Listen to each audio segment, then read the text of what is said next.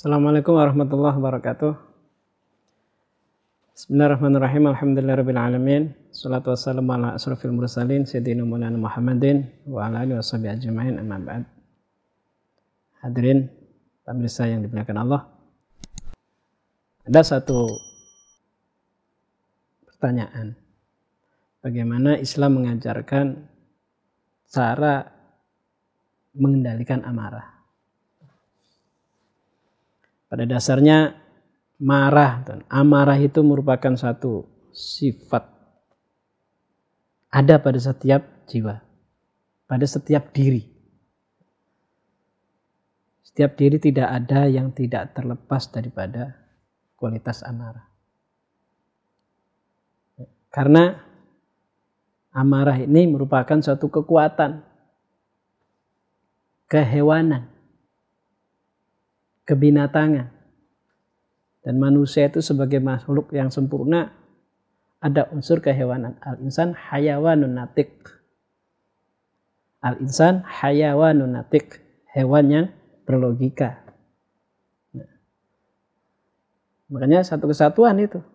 Kalau hanya didefinisikan hewannya saja, ya mungkin hanya marahnya, hanya menuruti hawa nafsu makannya, nafsu perutnya, itu kehewanan geraknya. Nah, kemudian di sini ada natikun. Hewan yang berpikir. Hewan yang berlogika. Makanya di sini jelas kalau melihat hal ini bahwa manusia menjadi sunatullah seharusnya.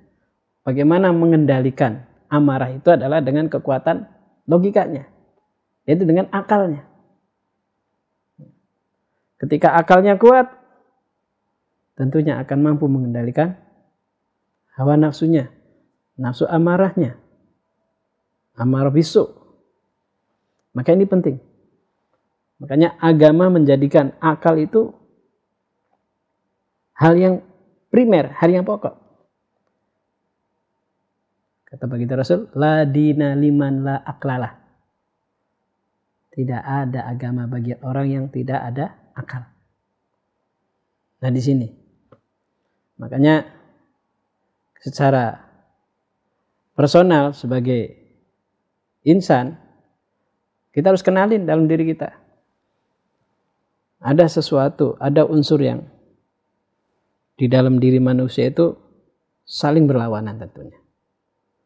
Ada api, ada air. Ada panas, ada ding, ada dingin. Kan gitu.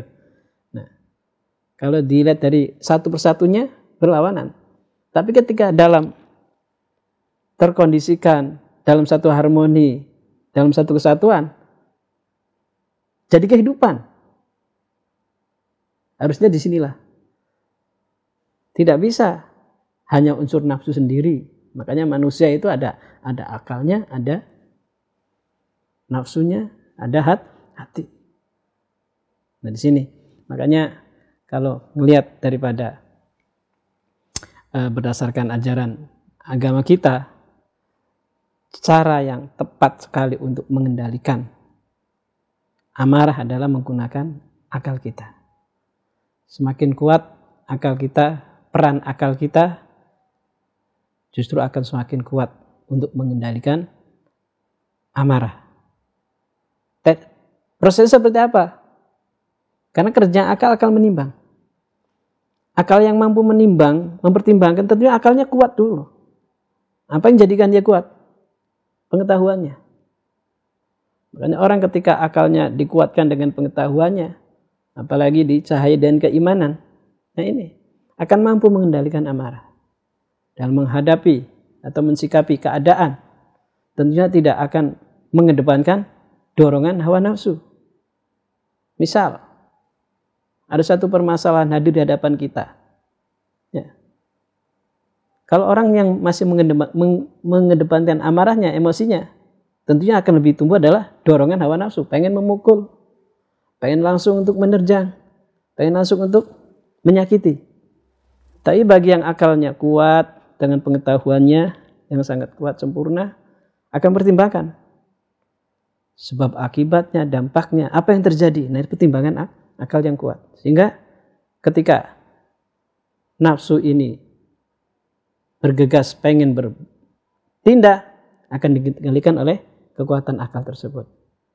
Apalagi ada disinari cahaya im, iman. Nah, ini akan lebih baik lagi. Kenapa demikian?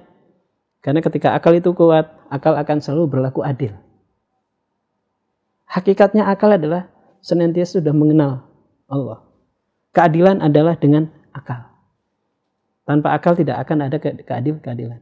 Makanya kenapa? Kata tadi la dina liman aklalah. Tidak ada agama bagi orang yang tidak ada ak akal. Inilah peran. Kenapa manusia dipercaya sebagai khalifah Allah? Allah bekal akal.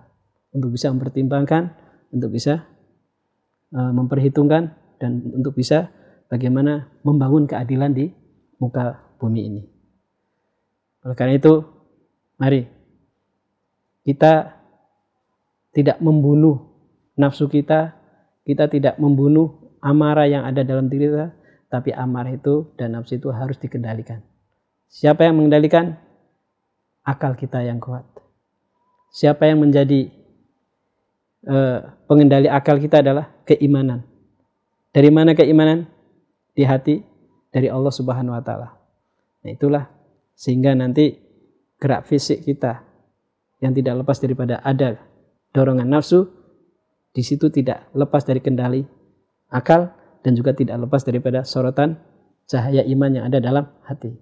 Ya, insya Allah yang dengan demikian inilah kehidupan akan bisa harmonis baik secara harmonis pada individunya maupun juga bisa mampu mengharmoniskan kondisi lingkungannya. Demikian mudah-mudahan Allah berikan kekuatan kita untuk mampu bisa mengendalikan amarah kita ya, dengan Allah memperkuat akal kita dengan ilmu pengetahuan dan ilmu yang Allah anugerahkan, ilmu agama tentunya yang menjadi sumber kekuatan iman dalam diri kita. Mudah-mudahan bermanfaat. Assalamualaikum warahmatullahi wabarakatuh.